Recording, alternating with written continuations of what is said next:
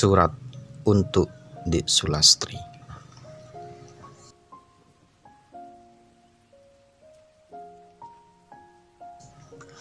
Aku tulis surat ini ketika hujan di bulan Januari sebagai pertanda awal musim tanam padi. Wahai Dek Sulastri, aku cinta kepadamu.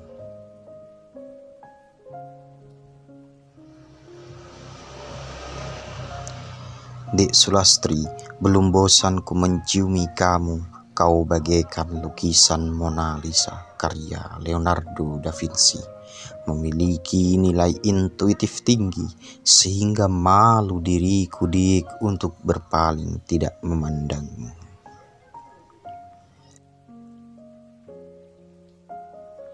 Wahai Dek Sulastri, dengan seperangkat alat sholat dan cincin emas 5 gram, aku itikatkan melamarmu. Ku bimbing engkau menuju altra suci perkawinan. Bahkan, aku siap berbudi pekerti, menerima dan mempelajari adat istiadat kampung halamanmu.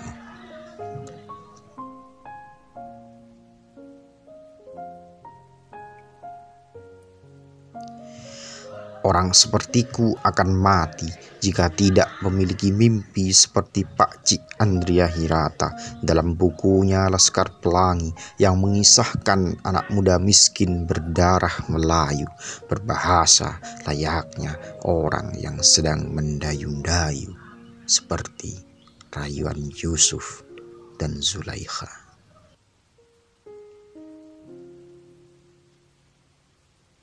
Dek, Kini kau sudah pergi jauh di dunia sana. Yang kuingat hanya sesekali aroma kasturi di punggungmu yang kupegang menjadi risalah hikayat cinta. Sekarang aku lebih suka melakukannya sendiri tanpa bantuan ciummu, sentuhanmu. Aku bisa aku gagal menyusun bahasa di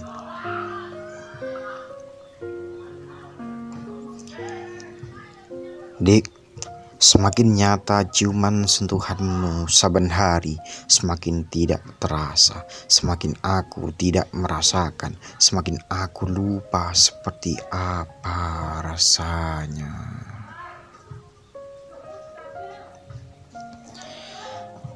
Aku lebih suka melihat tiga kali tiga labirin fotomu. Aku bisa berimajinasi apa pun yang aku mau. Dengan tumitmu, aku bisa mengingat imajinasi bersamamu. Sepuluh tahun, bahkan seratus tahun yang lalu.